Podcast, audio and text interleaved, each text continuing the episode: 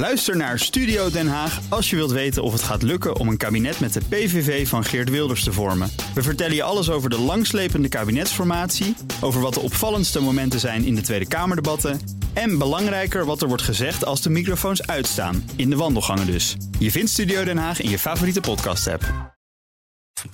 De column van Jaap Jansen. Alles wat niet verboden is, is toegestaan. Dat zei toenmalig VVD-fractievoorzitter Frits Bolkestein toen hij in 1996 in problemen kwam omdat hij bij minister Els Borst van Volksgezondheid gelobbyd had voor een medicijnfabriek waar hij commissaris was.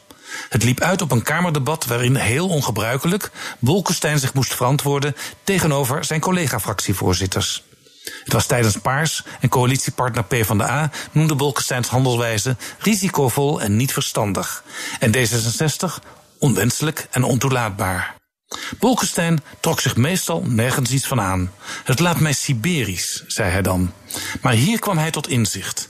Waar hij zijn dubbele pet eerst volstrekt normaal vond, drong hij nu zelf aan op helderheid over wat een Kamerlid wel en niet mag.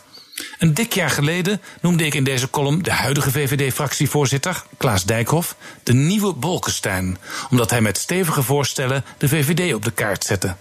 Toen onlangs bleek dat Dijkhoff bovenop zijn salaris als fractievoorzitter 80.000 euro aan wachtgeld ontving en ook nog een reiskostenvergoeding terwijl hij al een auto met chauffeur had, moest ik opnieuw aan Bolkestein denken. Dijkhoff zei dat hij recht had op het wachtgeld, het mocht van de wet. Alles wat niet verboden is, is toegestaan. Hmm. Dat wachtgeld is bedoeld om een plotselinge val die in de politiek elk moment om het hoekje ligt, draaglijk te maken. En voor de periode dat een oud politicus naar werk zoekt. Het is een grijs gebied. Je kunt niet alles in regels vatten en dat moet je ook niet willen. Juist in de politiek, waar je van belastinggeld betaald wordt en voortdurend anderen de maat neemt, wordt van je verwacht dat je daar gevoel voor hebt. In de VVD-fractie bleek de maatschappelijke antenne scherper afgesteld dan bij Dijkhoff zelf. Ze drongen er bij hem op aan verder van wachtgeld af te zien.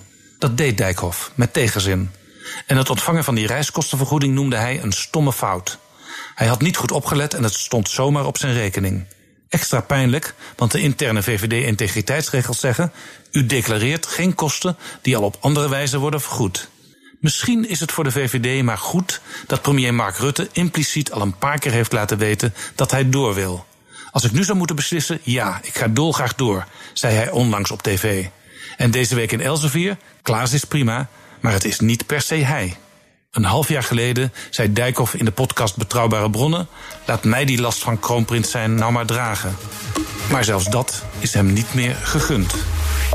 De donderdagse column van Jaap Jans op bnr.nl. En in de BNR-app vind je veel meer columns en podcasts.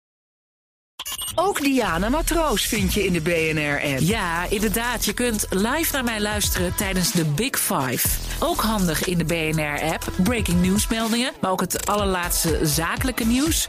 En je vindt in de app alle BNR-podcasts, waaronder Wetenschap Vandaag. Download nu de gratis BNR-app en blijf scherp.